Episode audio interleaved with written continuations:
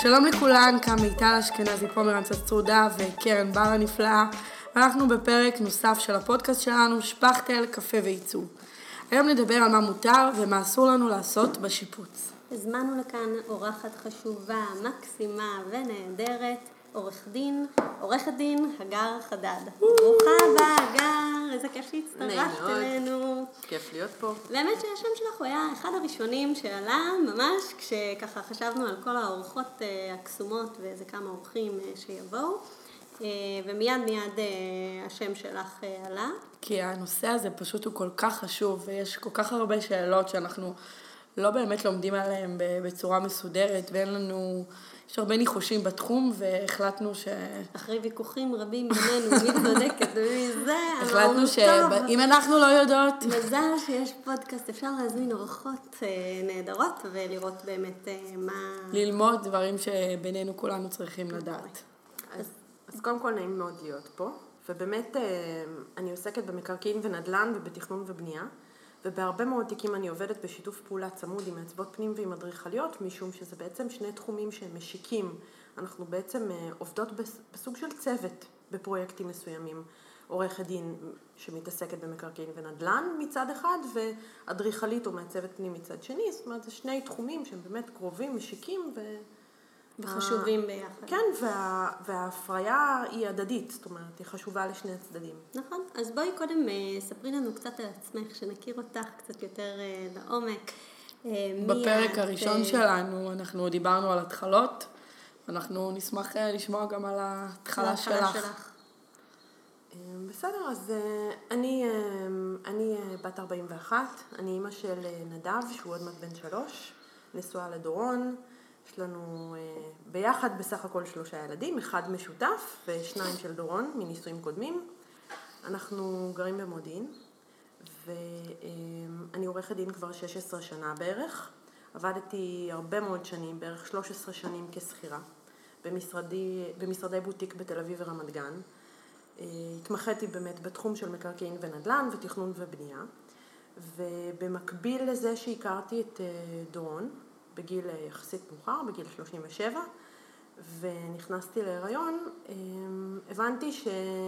הבנתי שמערכת היחסים הטובה שהייתה לי, אה, לא יהיה לה קשה להישאר אותו דבר. עם הסטטוס כאימא, החדש. עם הסטטוס החדש כאימא. אני חושבת שזה באמת משהו שמאפיין כל אישה שפתאום אה, עוברת לסטטוס הזה של אימהות, איך משלבים את זה יחד עם הקריירה. אני יכולה לומר על עצמי... בכלל מקומות המסחר והתעסוקה נכון, הם בכל התחומים. לא מותאמים לדור שלנו לגידול לאימהות. נכון. נשים נדרשות ליותר שעות בצורה שווה לגברים, ו... בעצם גם, גם לגברים, אגב, כשגבר צריך אה, פעמיים בשבוע לצאת, לצאת. מוקדם, כן, אני אמרתי לחברה, אחרי גירושים, פתאום יש להם, פתאום המערכת מבינה שהם צריכים לצאת פעמיים בשבוע, לקחת את הילד, לא, חו...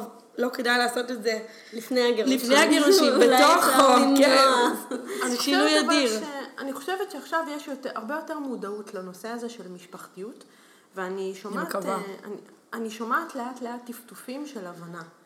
ש, ש, שיש מקום לתת, לתת ימים, ימי עבודה יותר קצרים, לצאת להיות עם המשפחה, אבל אני גם חושבת שזה, בסופו של דבר, לכל אחת יש את האיזון שהיא מוצאת או מנסה למצוא בדרך שלה.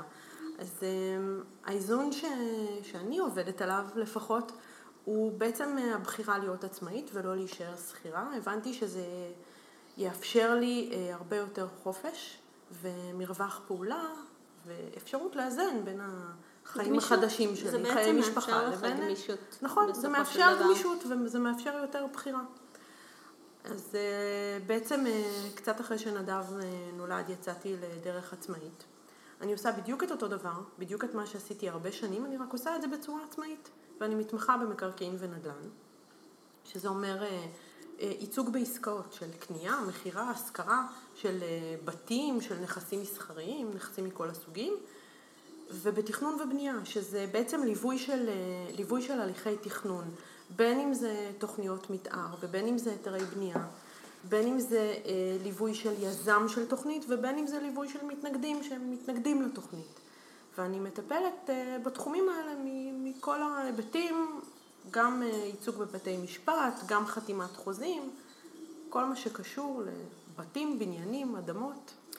אז בואי נדבר אה, קצת על דברים שבאמת אה, מעצבות ואדריכליות אה, צריכות, וכל מי שניגש לעניין הזה של בנייה ושיפוץ של בית. מה בעצם אנחנו צריכים לדעת? כולנו שמענו את המילה היתר, ואולי אדריכליות מכירות את זה יותר, מעצבות לא תמיד או אולי גם כן, לא יודעת. אה, בעיקרון יותר רק אדריכל או הנדסאי יכולים. אנשים מן היישוב, הרבה פעמים לקוחות אה, מבקשים כל מיני דברים, ואני אומרת להם, תקשיבו, זה דורש יותר. זה דורש יותר. אז, אז אני, אני אנסה לעשות קצת סדר. קודם כל, הנושא הזה של היתרי בנייה, חריגות בנייה, פוגש אותנו בדרך כלל בשני מצבים. פעם אחת הוא פוגש אותנו כשאנחנו רוצים לקנות בית, רוצים לקנות דירה. ואחד הדברים שאנחנו חייבים לבדוק זה האם הנכס הזה שאנחנו רוצים לקנות, האם הוא תואם להיתר או לא תואם להיתר, בהמשך אני ארחיב על זה קצת. והפעם השנייה שזה פוגש אותנו זה שכשאנחנו רוצים לעשות שיפוץ, מה מותר לנו לעשות במסגרת שיפוץ, מה אסור לנו לעשות במסגרת שיפוץ, וננסה בעצם להרחיב בפרק הזה על שני הנושאים האלה. אוקיי, okay, מצוין.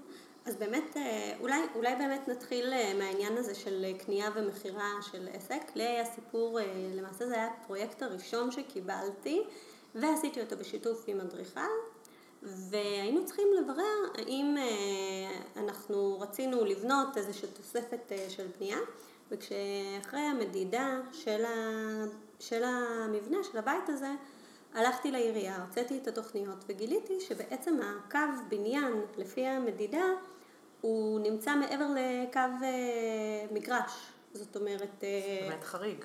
כן, זאת אומרת, הגדר, הגדר אה, של הכניסה לבניין ממש הייתה על העמודי חשמל. קיים, מצב לפ... קיים. מצב קיים לחלוטין. ולא ידעתי כל כך מה, מה לומר ללקוחות שלי, מה לעשות. אז, בעירייה טענו שאין מה לעשות, אי אפשר אה, זה, הם יצטרכו לפרק את הגדר ולא יוכלו לקבל היתר לדברים האחרים שהם רצו לעשות, כל מיני דברים כאלה. אז, אה, אז קודם כל, אני, אני אתחיל קצת מה, מה, מהפן היותר חיובי, מה אני ממליצה לעשות כדי להימנע ממצבים כאלה. אנחנו uh, מצאנו נכס, הנכס נראה לנו בין אם הוא נכס מסחרי או נכס פרטי, אם זה דירה או בית או משרד. אה, לפני שאנחנו מתקדמים לחתימת חוזה ובמקביל לכל יתר הבדיקות שצריך לעשות, אחת הבדיקות הכי חשובות זה הבדיקה התכנונית. זה אומר שצריך לבדוק שהנכס, המצב הקיים, הבנוי, תואם את היתר הבנייה שניתן לנכס הזה. ההמלצה היא לקחת איש מקצוע, אדריכל או אדריכלית, שיוציאו מהעירייה את היתר הבנייה שניתן למבנה ויבדקו שהוא באמת, המבנה הבנוי באמת תואם להיתר הבנייה. יש דרכים להתמודד עם אי התאמה. אנחנו יכולים הרבה פעמים להכשיר אותה, וכשאי אפשר להכשיר אותה, לפעמים אין ברירה אלא לפרק אותה. במקרה הזה שסיפרתי לך, הם אמרו שמישהו מהעירייה הגיע ונתן להם טופס 4 או משהו כזה, היה איזה סיפור שאמרו שהם הזמינו מישהו, בדקו וכביכול הכל היה בסדר. אז זה לא מספיק להזמין מישהו מהעירייה? לא, זה לא מספיק להזמין מישהו מהעירייה. ההמלצה החד משמעית שלי זה לפני שחותמים על חוזה להזמין מישהו שהוא מטעמך, אוקיי? שאת מזמינה אותו, את משלמת לו והוא חייב בדיווח לך, שיבדוק את ההתאמה הזאת להיתר הבנייה. קרו מקרים שניתן טופס 4, אף על פי שלא הייתה התאמה בין המצב הבנוי בפועל לבין היתר הבנייה. שלא לדבר על מקרים בהם אחרי שמקבלים טופס 4, הם משנים את זה. אנשים בסדר, אבל, אבל זו, כמו, כמו, שאני, כמו שאני אסביר בהמשך, אה, לבצע שינויים ביחס להיתר הבנייה ללא היתר, זה עבירה. זאת עבירת בנייה. אם תרצו, אני ארחיב על זה בהמשך.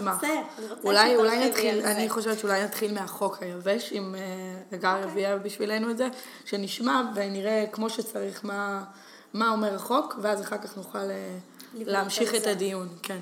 אז אה, כשאנחנו מדברים על היתרי בנייה ועל חריגת בנייה ועל השאלה מה, איזה עבודה צריכה היתר בנייה ואיזה עבודה לא צריכה היתר בנייה, אז נקודת המוצא היא חוק התכנון והבנייה. והחוק הזה קובע מהם העבודות שטעונות היתר ומהם העבודות שלא טעונות היתר. אה, כעיקרון, וננסה לפשט את זה ולהסביר את זה בצורה הכי בהירה שיש. בגדול, אה, שינויים פנימיים בתוך דירה לא צריכים היתר בנייה, אלא אם כן הם משנים את שטח הדירה. כשאנחנו שהחוק... מדברים על שטחים, יש לנו חלוקה לשטחי אה. אה, שירות, שטחים עיקריים, נכון. דברים כאלה. תכף. נגיע גם לזה שהחוק מבחין בעצם בין אה, בנייה של שטח או בנייה של מבנה לבין השימוש במבנה. וחשוב לדעת שלא רק שצריך שהנכס יהיה תואם, כלומר בנוי פיזית בהתאם להיתר בנייה, חשוב מאוד שגם השימושים שנעשים בנכס הזה יהיו בהתאם לשימושים שמותרים בהיתר הבנייה. אני אסביר קצת את הרקע בגדול. אמ, זה, אני רק אומרת, כאילו, נגיד, אי אפשר בתוך דירה של אה, קבלן להפוך את זה למסעדה, לצורך העניין. נכון, נכון. בהגזמה, או... אה, נכון, לישון בסטודיו, או להפוך אפילו ל-Airbnb, או שזה כבר יותר מתוחכם. אני אגיד לכם אפילו יותר מזה, אני אגיד לכם אפילו יותר מזה. אי אפשר לקחת מחסן ולהשתמש בו כשטח עיקרי. ובדירות, יש דירות מסוימות שבהן המחסן צמוד פיזית, צמוד מבחינה פיזית כן. לבית, מפרידה, מפריד ביניהם מחיצה, קיר, כן. מפריד ביניהם קיר, אבל זה עדיין לא אומר שאם תשברו את הקיר ותספחו את המחסן לתוך הדירה, תוכלו לעשות בו שימוש עיקרי. זו אווירת בנייה. זאת אומרת שחשוב מאוד להסתכל לא רק על מה בנוי, אלא מה השימושים שמותרים בהיתר הבנייה. עכשיו, הסעיף המרכזי שבעצם אה, אה, קובע מהם העבודות שטעונות היתר, זה סעיף 145 לחוק התכנון והבנייה, והוא קובע שאסור לעשות, אה, לעשות פעולות מסוימות מבלי לקבל רשות מרשות הרישוי המקומית, שזה אומר להקים בניין, להרוס אותו או חלק ממנו, להוסיף לבניין, לתקן אותו, למעט שינוי פנימי בדירה. עכשיו החוק גם קובע מה זה בעצם שינוי פנימי. שינוי, שינוי פנימי זה שינוי שלא נוגע לצד החיצוני של הבניין, שהוא לא פוגע בחזית שלו, שהוא לא פוגע במראה שלו, שהוא לא פוגע בשלד שלו. חשוב לדעת שגם רכוש משותף הוא משהו שאי אפשר לעשות בו שינוי ללא יותר בנייה. אה, חשוב אה, לשים לב גם... נגיד בלובי, לעניין... בכניסה, כאילו... בלובי, בכניסה, וגם בקירות חיצוניים של בית משותף. קיר כן. חיצוני של בית משותף הוא רכוש משותף. גם אם הוא מעבר לחלון שלך, הוא עדיין רכוש משותף של הבניין כולו. שזה מתייחס לכל מיני... אה, מרפסות או דברים כן. שעושים בהם שינוי. גם כאלה, וגם תלייה נכון. של מזגנים בבתים ישנים. זה מתייחס גם לתלייה של מזגנים, נכון. או תליית חבלי כביסה במקום שלא מיועד. שלא מיועד לכך. נכון. אמ, אפילו להחליף מעקה, לצורך העניין, אסור לך. או חלונות. או חלונות, כן, כי זה משנה את יופי הבניין. אז אה, דבר נוסף שחשוב מאוד להבין לגבי העניין הזה של שינוי פנימי, שחשוב אמ, אה, מאוד לשים לב שהשינוי שאתם רוצים לעשות לא משנה את שטח הדירה. אי אפשר להגדיל את שטח הדירה ללא היתר בנייה. למשל, מה שדיברנו עליו, של להוסיף מחסן לדירה, זה מגדיל את שטח הבני... את הדירה, ולשם כך צריך היתר בנייה. ומה עם אה, סיפוח של אה, שטח שהוא של שירות, נניח מרפסת שירות בתוך חדר אמבטיה? הרבה אנשים רוצים לשבור ולהגדיל. גם הפיכה של מרפסת שירות לחלק מהאמבטיה, כעיקרון דורשת היתר בנייה, משום שיש הבחנה בחוק התכנון והבנייה ובתקנות שלו בין שטחי שירות לבין שטחים עיקריים. אז יכול להיות שזה נראה לנו שינוי מאוד קטן, שאף אחד בכלל לא רואה אותו, אבל מדובר בשינוי שמצריך היתר בנייה. עכשיו, חשוב לדעת שהמסמך המנחה, שמסמכים, המסמכים המנחים מכוחו של חוק התכנון והבנייה זה תוכניות בניין עיר. תוכניות בניין עיר קובעות בכל עיר ועיר את הוראות הבנייה הרלוונטיות לאותו שטח, לאותו אזור. הן קובעות מה מותר לבנות וכמה. והן יכולות גם לקבוע למשל ש, שאפשר להמיר את שטח השירות במרפסת הכביסה לשטח עיקרי.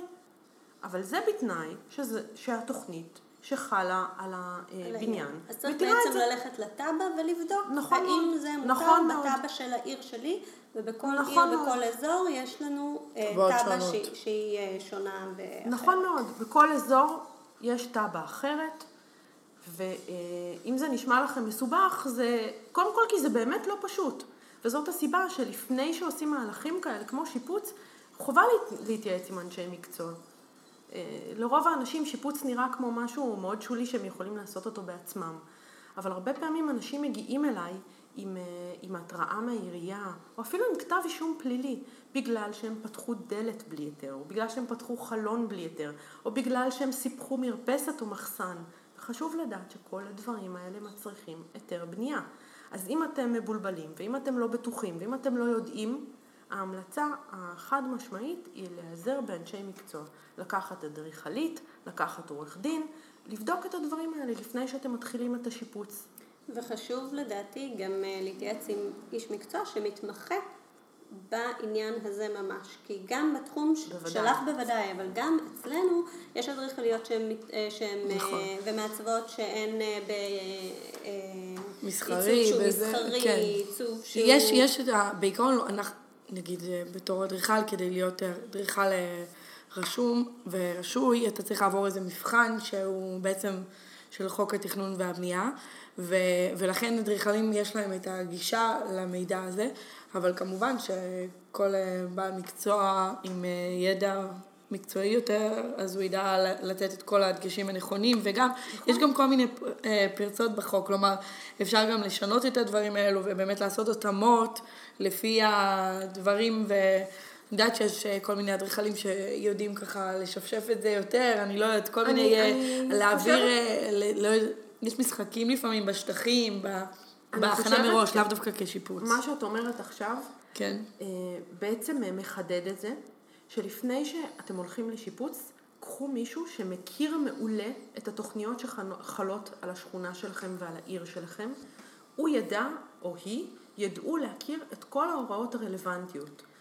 אה, ואני רוצה לומר משהו אה, למעצבות והאדריכליות ששומעות אותנו, כי הלקוחות הרבה פעמים יגידו לנו, אוקיי, כאילו אני כן רוצה בכל זאת לשבור, אה, לשבור את הקיר של המרפסת שירות, או לפתוח אה, חלון שיוצא למרפסת שיהיה יציאה של דלת, או כל מיני דברים כאלה שברור לנו שאסור אה, לעשות אותם, או בדיקה קלה תגלה שאסור לנו לעשות אותם. מה, אני יכולה להגיד מה אני אומרת במצב כזה ללקוחות, אני אומרת, אני לא, זה לא יופיע בתוכנית שאני חתומה עליה, בגלל שאני מאמינה שאם יום אחד אה, האנשים האלה יגיעו למצב שבו... שיש כתב אישום או משהו כזה. שיש כתב אישום נגדם. השאלה אם זה יתגלגל על ה... אני מאמינה שהם יגידו, אוי, לא ידענו, הייתה לנו מהצוות, כן. הייתה לנו אדריכלית, ולא אמרו לנו, אז אנחנו חפים מפשע. טוב, תראו, אנחנו לא מדברים היום על אחריות מקצועית של אדריכלים או של מהנדסים או של מעצבות פנים. זה, אני חושבת שזה פרק שלם שאפשר להקדיש אותו לנושא של אחריות מקצועית. יש לנו עוד אני... פרק עם הגעה. אבל אני לגמרי, אני לגמרי מסכימה איתך שהייעוץ שאת צריכה לתת ללקוח שלך הוא שכל עבודה שטעונה היתר מבחינתך לא תבוצע ללא היתר. זה נכון, אנשים מגיעים לפעמים להליך שנקרא מסירת גרסה בעירייה, כאשר uh, יש איזשהו דוח פיקוח שמהווה אינדיקציה לזה שנעשתה עבירת בנייה, ובהחלט כן, הם יכולים להישאל על ידי uh, הפקחים, מי עשה לכם את העבודה? נתקלתי כבר במקרים שלקוחות שלי עדכנו אותי שבמסירת גרסה כזאת שאלו אותם מי האדריכל שתכנן לכם את התוכניות, מי הקבלן שביצע את השיפוץ הזה. אז אני, אני לגמרי מבינה את הצורך שלך ותומכת לחלוטין בצורך שלך להיות uh, זהירה מאוד עם הלקוחות, משום שיש לך פה אחריות מקצועית, ואת לא נכון. רוצה לקחת על לא, עצמך דברים שהם לא בתחום האחריות שלך. אני גם לא רוצה לעבור על החוק. באמת, אני, צודקת במאה אחוז. אני אדם, צודקת אולי אני קצת אה, חנונית בקטע הזה, אבל אני לא רוצה... לא, בשביל זה יש בדיוק את החוק. נכון, זה בדיוק אני המטרה. לא רוצה לעבור על החוק, אני לא רוצה להסתבך, אני לא רוצה לעשות משהו לא להכניס ראש בריא למיטה חולה. את הלקוחות שלי, ואני חושבת שזו באמת נכון. אחריות מקצועית שלי להזהיר אותם מפני דברים כאלה. נכון, כי זה גם הרבה פעמים בדיעבד, מבינים ש... שהניסיון הזה להגיע לפינה או משהו כזה, הוא גורם להרבה עוגמת נפש בסופו של דבר. אז זה מחזיר אותנו שוב לנקודה. קחו אנשי מקצוע שיודעים מה הם עושים, שיעשו את הדברים בצורה מסודרת, תחסכו לעצמכם הרבה מאוד זמן והרבה מאוד כסף והתרוצצויות מיותרות. אה, אני רוצה באמת אה, עוד, אה, היה לי עוד נקודה שחשבתי עליה והיא פרחה לי מהראש. והיא פרחה, בואי נראה מה רשמנו פה. מה אפשר, לא, יש פה דברים ממש חשובים. רעיון הוא יגיע, הוא יגיע. הוא יחזור? אני מבטיחה. אז דיברנו על אה, שינויים פנימיים, על שבירת קיר, עמוד, אה, נגיד אה, אם, אם אחד השכנים מלמטה, מלמעלה, או הלקוח, רוצה להוריד עמוד, להוסיף, לשנות משהו מבני בעצם. זה, אז זה, זה דבר מאוד מסוכן. כי הוא יכול למוטט מעליו את כל הבניין, צריך להביא קונסטרוקטור, יש לזה אחריות טובה. יותר נכון. גבוהה, ואיך זה, מבחינה, זה משתקף מבחינת החוק? בדיוק אותו דבר, זאת אומרת, אלה עבודות שאת לא יכולה, אני, זה מחזיר אותנו לסעיף 145 לחוק התכנון והבנייה, שמגדיר שינוי פנימי. אה, אני רוצה רגע לצטט, אה, אה, שינוי שאינו פוגע בשלט של הבניין.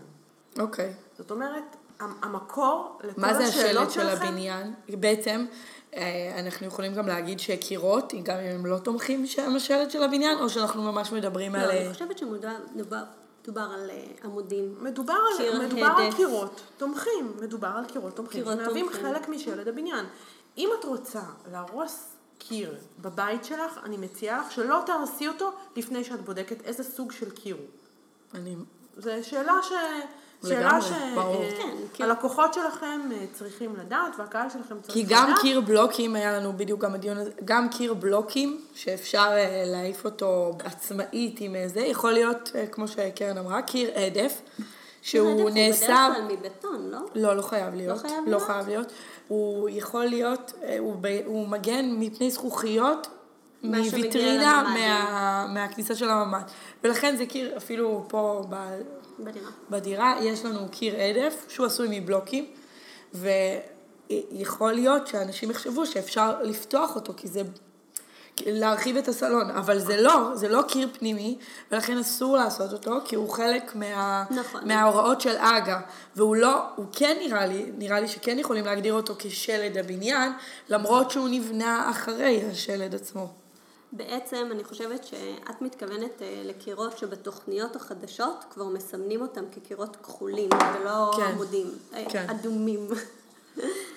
אה, גם עמודים וגם קירות הדף וקירות תומכים מסומנים בכחול בתוכנית המקורית. אז כשאנחנו מוציאים מהעירייה או מהקבלן מקבלים או ממישהו, אז אנחנו יודעים שמה שכחול אנחנו בעצם משאירים אותו. בסדר גמור. אני רוצה, אני רוצה רק לדבר איתכם על עוד, על עוד משהו, ש... תחום מסוים שאני כל הזמן פוגשת אה, מעצבות ואדריכליות אה, בנושא של, אה, בנושא של רכישת דירה, ו... ומדובר בפוטנציאל תכנוני של בית. והייתי דווקא רוצה קצת לראיין אתכם ולשאול אתכם עד כמה אתן מעורבות בתהליכים של רכישת דירה בשלב הראשוני של בחירת הדירה. זה משהו שדווקא הייתי רוצה לשמוע אתכן מספרות עליו. תראי מה זה. היא שינתה לנו את הפודקאסט. לא, נהדרת, כן. אורחת מצוינת. נראה לי אורחת כבוד. לא, אנחנו מאוד מתמוגגות, אנחנו נעביר לך את הפרוטוקול. השרביט עובר אלינו. אני יכולה לומר שהרבה פעמים אה, לקוחות שלי, במיוחד לקוחות אה, חוזרים, לא מזמן קיבלתי שיחת טלפון ממש אה, מחממת לב מלקוחה מלפני שלוש שנים. אה, שבאמת הצבנו יחד את הבית, והיא מתקשרת אליי ואומרת לי, קרן, אני מתגעגעת אלייך, אני רוצה לקנות בית רק כדי שתעצבי לי שוב. תגידי, יותר מחמאה מזה. ושלחה לי תוכניות של כן, דירה שהם מסתכלים, המחמאה הכי גדולה. זה השיחה של שעתיים שהיא מפארת אותי, באמת זה היה ממש... אני חושבת שזה... אם את חושבת שהיית אה, סמוקה פה, זה, יצאתי כן. סגולה בסוף השיחה. איזה חוויה נהדרת זה. וגם באמת אה, שילוב טוב בין מעצב, אדריכל, ללקוח. אה, תהליך אה, טוב כזה של עיצוב, הוא מייצר אה, משהו שהוא מסך הכל חלקיו, הוא כאילו נכון, מייצר חוויה נכון, נהדרת נכון. שאפשר ו... ממש, כאילו אני יכולה להבין למה אנשים רוצים לעשות את זה. עוד פעם, אנשים לפעמים מפחדים מהתהליך, אבל אני באמת חושבת שאנשי מקצוע נכונים יכולים להוביל תהליכים כאלו. בצורה נהדרת. נכון, כי צריך לראות איזושהי תמונה, צריך לראות איזושהי תמונה גדולה. אם אתם הולכים לקראת תהליך של רכישת דירה, ויש לכם תקציב מוגבל, ואתם רוצים לדעת מה, ה, אה, מה הן האפשרויות המיטביות שלכם באותו תקציב באותו מוגבל, רגע. כדאי לכם לבוא עם ראש פתוח. זאת אומרת, אם ראיתם דירה שנראית לכם לא בדיוק מה שרציתם, כדאי להסתכל טיפה מחוץ לקופסה, לבדוק באמצעות אדריכלית או מעצבת מה הפוטנציאל התכנוני שלה, ולהתייעץ עם, נכון, עם זו פגישת ייעוץ של שעתיים, כן. שבאמת יכולה לפתור אה, המון דברים. אה, לצערי לא כולם עושים את זה, הרבה פעמים באים אליי אה, אנשים... בדיעבד כבר אחרי... בדיעבד הם כן, קנו דירה, דירה והם רוצים לעשות שינוי כזה או אחר, ואחרי שאני בודקת את זה בתוכניות, אני מגלה שזה לא מתאפשר. זה לא מתאפשר, ולפעמים זה עניין של חסרים לי באמת, חצי מטר חסר לי נכון, כדי שזה יתאפשר. נכון, לכן אני אומרת שהדברים האלה, הבדיקה של הפוטנציאל התכנוני של הדירה, שעושים אותה, זה נכס עושים מטורף. אותה בשילוב של אדריכל ועורך דין שמתעסק בתכנון ובנייה, הבדיקה הזאת יכולה לפתוח המון המון אפשרויות שאולי לא חשבתם עליהן בהתחלה. אני עכשיו, אה, ממש היה לי אה, ייעוץ של דירה למשתכן. שזה כביכול אנשים שלא הולכים לשלם עכשיו הרבה כסף על הדירה, אבל הם היו צריכים, הם רצו, הם היו חכמים, והבינו שמשתלם להם לבוא אליי, באמת בדיוק עשינו שעתיים של ייעוץ, עברנו על האופציות, והם פשוט, הם, אני חושבת, אני אפילו לא הבנתי כמה זה היה זה אה, מאוד מאוד מוצלח עוזר. ברמה של הם חשבו על כמה גינה יותר גדולה הם צריכים לעשות. כשהסברתי להם את הגודל של הגינות, גם הקטנות, בפרויקטים, שהיה שם גינות ענקיות, ולקחת דירה ענקית עם, אה, דירה ענק, עם גינה ענקית, זה לאו דווקא הכי נכון שהיא תרוץ לך מסביב לכל הבית, תלוי מה, נכון. מה רוצים. לי... ופשוט כיוונו אותם לכמה נקודות, והם יצאו משם, באמת, הם זכו בדירה שרצינו, וזה ממש מטורף, כבר ראינו את האופציות קדימה. נכון, הרבה פעמים אה, קרה לי גם אה, דירה שהם רצו, שהייתה דירת ארבעה חדרים גדולה, ורצו להסב אותה לחמישה חדרים. ואז כשהם הגיעו אליי, ומהחברה שמכרה להם את הדירה, אמרו להם, הנה, פה יהיה המטבח. ואני מסתכלת על התוכנית, ואני אומרת להם, תראו, קודם כל, ברוב התוכניות האלה צריך להבין ששמים ריהוט קטן, וזה נראה כאילו הדירה גדולה יותר. באמת, זה, שזה... באמת, דבר בדיר, ראשון בדירות מכר, זה נורא. שאני מקבלת את התוכנית. זה גם לא חוקי לדעתי, זה הטיה.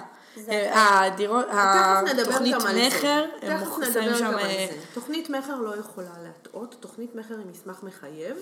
תכף נדבר גם על הסוגיה הזאת של פרוספקטים מול תוכניות מכר. כן. אז כשאני מקבלת את התוכנית DWG מהקבלן, דבר ראשון, אני מודדת ובודקת האם באמת אה, נכנס רהיטים סטנדרטיים. אני לא מדברת על אה, פה מיטות אה, כן, king כן, size וספות אה, שלוש מטר ואני לא יודעת מה. אני מדברת באמת על אה, ריהוט שהוא סטנדרטי. אה, בכל החנויות אפשר לקנות אותו כפי שהוא, בלי עכשיו התאמות מיוחדות. וזה קטן. זאת אומרת, מיטות שצריכות להיות 90 על 2 מטר, שמים אותם 70 אה, על מטר 80. כן. כל, כן. כל מיני אה, דברים כאלה ואחרים. השירותים נראים הרבה יותר קטנים, הכל, זה לא באותו scale. המטבח ששמו בדירה הספציפית הזו, אמרתי, תראו, אוקיי, שמו לכם כיריים, שמו לכם אה, כיור, לא משנה שהמרחק ביניהם הוא לא מספיק למשטח עבודה, איפה המקרר? שאלה מצוינת. וואו. את זה עוד לא ראיתי. אז זה מעלה, זה מעלה נקודה מאוד מאוד חשובה, שאני רוצה רגע להבחין, אה, יש הבחנה מקצועית כמובן בין תוכניות מכר לבין פרוספקטים שיווקיים. חשוב מאוד שמי שבא לקנות דירה מקבלן יבין שהפרוספקט השיווקי לא מחייב את הקבלן. ובחוזה, באותיות הקטנות, כתוב שהחוזה, שהפרוספקט לא מחייב אותו. מה שכן מחייב אותו, במגבלות החוק כמובן, זה תוכניות המכר. סטייה מתוכניות המכר. לא. אני, אני, אני אסביר. פרוספקט זה העלון היפה, המבריק, ש, אה, שמתעניינים, אה, שבאים לראות דירות, אה, מקבלים. זה איזושהי הדמיה, אוקיי? תוכניות המכר הן תוכניות הדירה המחייבות שמצורפות לחוזה, והרבה פעמים, הרבה פעמים... הם לא יופיעו גם עם רהיטים תוכניות מכר. הם לא מופיעים. לא, הם לא מופיעות עם רהיטים קטנים. לא, מה, במכר? ב... לא, תוכניות המכר, רגע, אני אעשה לכם סדר. תוכניות המכר הם המסמך המחייב שמצורף לחוזה, וסטייה מתוכניות המכר היא סטייה, הסטייה האפשרית מתוכניות המכר מוגדרת, מוגדרת בחוק ובצווים מכוחו. זאת אומרת, זה מסמך משפטי מחייב, להבדיל מפרוספקט. פרוספקט זה ההדמיה הצבעונית הזאת שאנשים מקבלים, והרבה פעמים הם מתפתים לחשוב שזה מה שהם אמורים לקבל. אז אז כדאי מאוד לדעת אני לא מדברת על תוכנית DWG, ממש, תוכנית עבודה, כן, לא כן, כן. שהיא תואמת לתוכנית המכר. לא, תוכנית עבודה היא לא תוכנית מכר. תוכנית עבודה היא לא תוכנית מכר. התוכנית מכר זה התוכנית שהם חותמים עליה בחוזה. תוכנית שחותמים עליה במעמד חתימת החוזה, היא מתארת את מה שאת קונה. במילים? לא, גם, בסרטוט. גם במילים. אז זה אותו סרטוט. גם במילים, בסרטוט. כן. כן. אז אם קבלנים עושים איזושהי... אה, אבל לא, הם לא מחייבים שם על השולחן שהם שמו, הם מחויבים לגודל של הקיר, לגודל של החלון, נכון. לשטח של הדירה, נכון. לזה. אז המידות, וגם אה, בסטייה כן, של שני אבל כשאתה שם, שאתה שם רהיטים קטנים בחלל קטן, זה הכל נראה, כשאנשים רואים שתיים וחצי מטר, הם, עם רהיט קטן, זה נראה להם ויזואלי כמו ארבעה מטר, כי אנשים לא יודעים להעריך מרחק אופקי, אגב. תשמעי, זה, זה מחזיר אותי לנקודה הזאת, זה מחזיר אותי לנקודה הזאת, שעד כמה חשוב לפני התהליך של קניית הדירה, להתייעץ עם איש מקצוע. משום, ש, משום שעבור רוב האנשים שאני מכירה לפחות, העסקה הזאת של רכישת דירה היא העסקה הכי גדולה שהם יעשו בחיים. נכון. לא כולנו עושים עסקאות של שני מיליון או שלושה מיליון כל יום או כל יומיים. ועבור רוב האנשים שאני מכירה, זאת העסקה הכי גדולה שהם עושים. אז ולא רק להתייעץ עם אמא, אבא, דוד, חבר, בדיוק. זה, לא רק משכנתה לקחת כמה יועצים, נכון. אלא לפני, טרום התהליך. נכון. לקחת אה, איש מקצוע, נכון. אדריכל, נכון. מעצב פנים, שיוכל להוביל אתכם בתהליך. אגב, גם להכניס לרכישה עצמה כמה חוזים, כמו, כמה סעיפים, כמו אה, שינוי נקודות, כל מיני, יש מקומות, ל, אה, אם אתה מחליט על התהליך לפני, יש אפשרות להוסיף את זה כבר לחוזה רכישה. את השינויים העתידיים, ואז אתה גם לא צריך לשלם עליהם. אז יש לזה הרבה יתרונות לקחת אה, בעל מקצוע לפני. זה... בואו באמת אה, נדבר אה, על דירות קבלן בעיקר, כי אני חושבת שפה יש לנו ממש בנושא הזה. כן. קודם זה... כל הבנייה הולכת לשם, עד כמה שאני ממש לא אוהבת להיות חלק בתהליך של בניית דירת קבלן. באמת איך מתמודדים עם זה? כי יש, כל קבלן יש לו את הסט של הדברים שהוא נותן ללקוח, שהוא הוא גם מחליט, יש לו ה... אפשרות להחליט דברים, גם אם זה כן אפשרי, לא אפשרי, הוא ה-last say, יש לו את המילה האחרונה. את המפרט okay. אוקיי. הטכני. אז, אז, אז, אז אני אסביר, זה, זה, זה לא נכון שקבלן הוא, אה, הוא קובע והוא מחליט.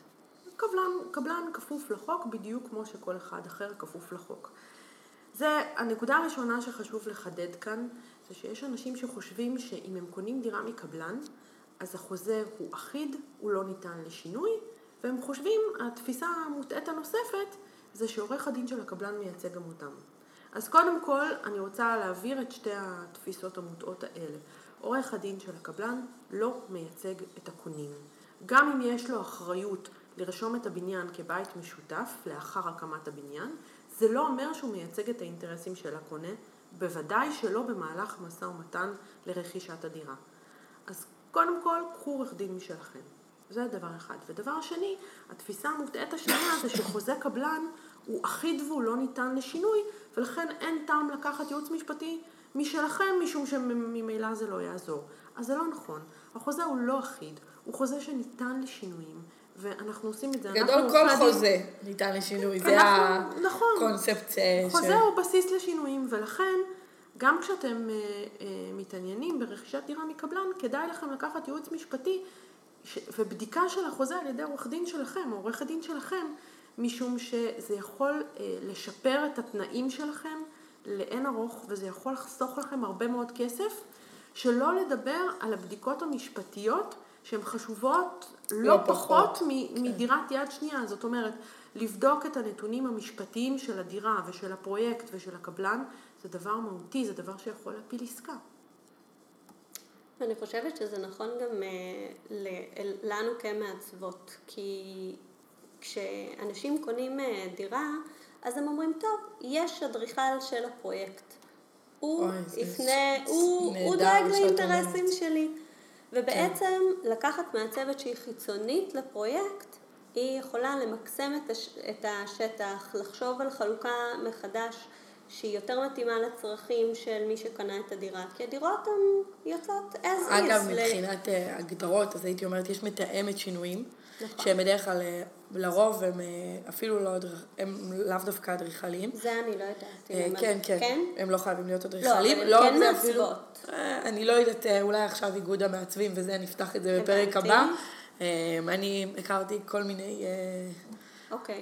כאלו שאני לא יודעת כמה חודשים הם עברו את הקורסים. אבל אז זה מתאמת שינויים, וכמו, בדיוק כמו שאגב אומרת, לקחת עורך דין אה, כדי לייצג את העסקה מולך, סליחה, אני יודעת אם יש פה גם אה, לקוחות שמאזינים, אז גם לקחת אה, אדריכל או מעצב מטעמך לדירה שלך, זה לא חשוב פחות. כי עוד כמו שהעורך דין יבדוק את, ה, את הכיוון של החוזה עבורך, כמה הוא נכון לך ויבדוק אותו מהצד שלך, ככה גם המתכנן של הדירה ידע להתאים את, בצורה המרבית, כבר נגיד שנבחר הנכס, את הנכס אליך, לצרכים שלך, לדברים שלך, להג, להגדיל, להקטין את המטבח יחסית לסלון, אה, נכון. כמובן בגבולות האפשר של הנכס. ואם אנחנו חוזרות פה באמת אה, לנושא שלנו המרכזי היום, של מה מותר ומה אסור, כשעובדים בדירת אה, קבלן ואתה עובד בשיתוף עם האדריכל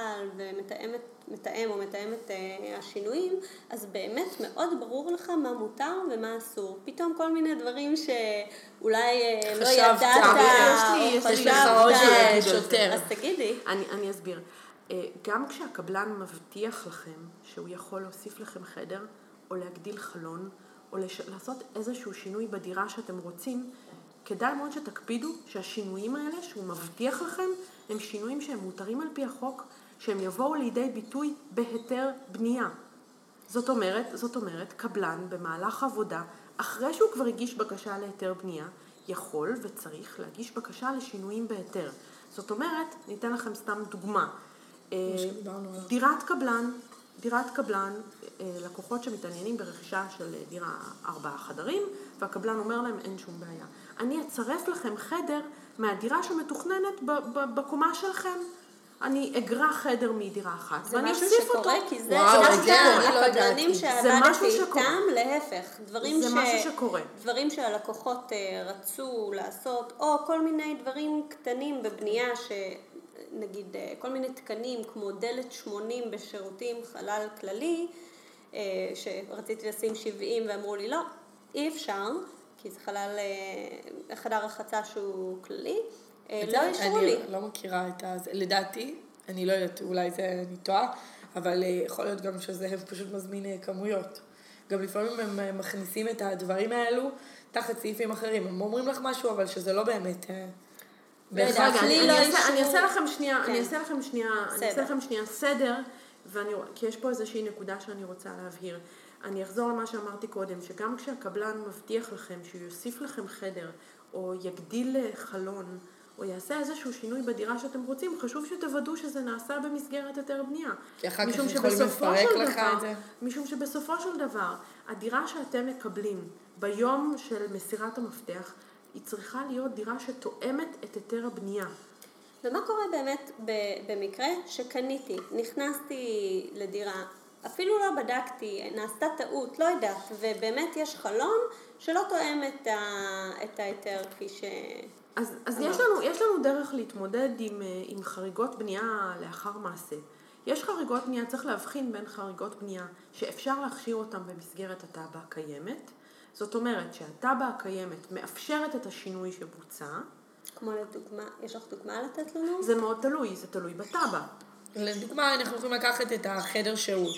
הוסיפו חדר שירות, זה חלק מה... זה תחת התב"ע, אז זה לא בעיה להוסיף את זה. אז יש תוכניות שמאפשרות את השינויים האלה, ואז צריך לתקן את ההיתר. האם זה משנה אם יש שינוי קטן כזה בקטנה, את יודעת, הישראלים נורא אוהבים, רק חלון טיפה פתחתי, ורק את המרפסת שירות, ורק... אין דבר כזה טיפה פתחתי, אין דבר כזה טיפה פתחתי.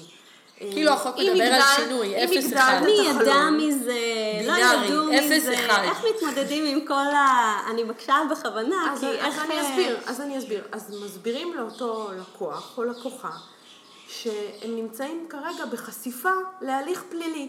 אני לא רוצה להיכנס לדקויות. כי אה, לא כל רשות אוכפת את כל עבירות הבנייה. יש רשויות שאוכפות יותר, יש רשויות שאוכפות פחות, יש עבירות בנייה שהן יותר על הכוונת של הרשות, יש עבירות בנייה שהן פחות על הכוונת. ההמלצה שלי היא חד משמעית להימנע מכל סוג עבירות הבנייה. כל שינוי שאתם רוצים לעשות, קודם תוודאו שזה שינוי שהוא מותר לעשות אותו. כדי שלא תמצאו את עצמכם בסיטואציה שהיא מאוד לא נעימה. הפתרון שלנו להתמודדות עם עבירות בנייה ועם חריגות בנייה לאחר מעשה, הוא שבעצם אנחנו מבחינים בין שני סוגים של חריגות בנייה. חריגה שאפשר להכשיר אותה במסגרת התב"ע הקיימת, זאת אומרת שהתב"ע שחולשת על האזור היא תב"ע שמתירה את השינוי, אבל ההיתר לא כלל את השינוי הזה, ולכן צריך להגיש בקשה להיתר בנייה ולהכשיר את החריגה, לבין מקרים שהם יותר בעייתיים, שבהם התב"ע לא מאפשרת את השינוי הזה, ועל מנת להכשיר את השינוי צריך לעדכן את התב"ע, זאת אומרת להגיש תב"ע נקודתית חדשה שתכשיר ותאפשר את השינוי הזה. זה הליך שהוא הרבה יותר מורכב והרבה יותר מסובך. ויקר. ו- ויקר. וארוך. ויקר וארוך. והרבה פעמים ההמלצה במקרים כאלה, כשהחריגה לא ניתנת להכשרה במסגרת התב"ע הקיימת, ההמלצה יכולה להיות לפרק את החריגה הזאת ולהחזיר את המצב לקדמותו. אז אה, זו ההתמודדות. וזה מה שצריך גם להסביר ללקוח, שזו החשיפה שלו. יפה. טוב, אני חושבת שזה היה נושא מרתק. כן, ללא אני... ספק נצטרך אה, לא. לעשות... קודם כל, אין ספק שבאמת זה נושא שהוא מאוד מאוד גדול, וצריך נכון. באמת לרדת לדקויות, וכל מקרה לבדוק אה, לגופו. לגופו. כן, זה חשוב, אני... זה חשוב לדעת שמה שבעצם כל הדברים האלה שדיברנו עליהם כאן, הם דברים שדיברנו בצורה מאוד כללית, מאוד מלמעלה. זה לא... שאף אחד לא ייקח את זה כאיזשהו תחליף לייעוץ משפטי או לייעוץ מסוג אחר. אתם, אתם, יש לכם דילמה, אתם לא בטוחים, גשו לייעוץ אה, קונקרטי לגבי המקרה שלכם. ואני חושבת שבאמת זה נושא שהרבה מאוד, אה, יש הרבה מאוד בלבול לגביו, גם אה, בקרב הקהילה של המעצבות והאדריכליות וגם אה, בקרב הלקוחות, שהרבה פעמים לא מודעים לכל הנושא הזה, או שבאמת מחליקים ואומרים, מה, מי אכפת? כלומר, יש איזושהי, איזשהו זלזול בנושא הזה, ואני חושבת שגם הרבה אנשים חושבים, לי זה לא יקרה. או לא שמעתי לא סיפורים לא יגיע, כאלה. כן. ו... מה אכפת להם? כן, וגם נזכרתי בדבר שקודם אה, שכחתי שרציתי להגיד, שאני זוכרת שאת גר... לא, נזכרתי כבר מזמן. לא, אמרתי ש... אז לפני שאני אשכח שוב, שאת אה, באמת אמרת לי גם שמספיק אה, שמישהו אחד, שכן אחד שלא אוהב אותי או לא באתי לו טוב, יבוא וככה... ילשין עליי, כדי שבאמת אני, אני אהיה אחר כך אה, חשופה לתהליך כזה. חשופה לתהליך. כולם חושבים אולי שלי זה לא יקרה, אבל העובדה היא שזה כן קורה לאנשים. אולי הם לא מדברים על זה, אולי הם לא מספרים את זה, כי זה מסוג הדברים שפחות כיף ופחות אה, נעים לדבר עליהם. אה, אבל זה לא אומר שזה לא קורה. באופן כללי, בחיים בכלל, אנשים נוטים יותר לשתף בדברים ה... קלים יותר ורודים יותר, ופחות אה, בדברים הפחות נעימים, אז אה, צריך לקחת את זה בחשבון. טוב, אז אה, נראה לי שאנחנו עשינו סקירה כללית רחבה, רחבה בדקה על הדבר הזה, על הנושא הזה, ואנחנו מודות לך מאוד, שהקדשת מזמנך לנו ולקהילת השומרות שלנו. אנחנו כבר אה, רוצים להזמין אותך אה, לפרק הבא, אנחנו שומרים טנטטיבית. ברגע שנארגן לנו נושאים נוספים. אם יש לכם שאלות. או אם יש לכם סיפורים שלכם, שקרו לכם. אתם מוזמנות לשתף אותנו. אנחנו נזמין את הגר גם, נקרא לה, לענות למה שאתם רוצות. אם אתם, יש לכם עוד איזה כמה שאלות ככה, נגבש איזה, זה, נכין גם פרק חדש, ואנחנו... רצית עוד להגיד משהו לפני שאני סוגרת את לא, השידור? לא, לא, יכולה אז אה, תודה, כן, אם רק... פרק הבא יהיה לי קול מעולה. אה, תודה רבה לכם שהאזנתם לנו עד עכשיו, זה היה פרק יחסית ארוך, אה, אבל הוא היה חשוב. תודה לך תודה לכם, היה לי כיף. תודה לקרן מעולה שלנו. מיטל המקסימה. ויאללה בואו נלך להצטלם, שיהיה לנו תיעוד לזה. וניפגש בפרק הבא. ביי ביי.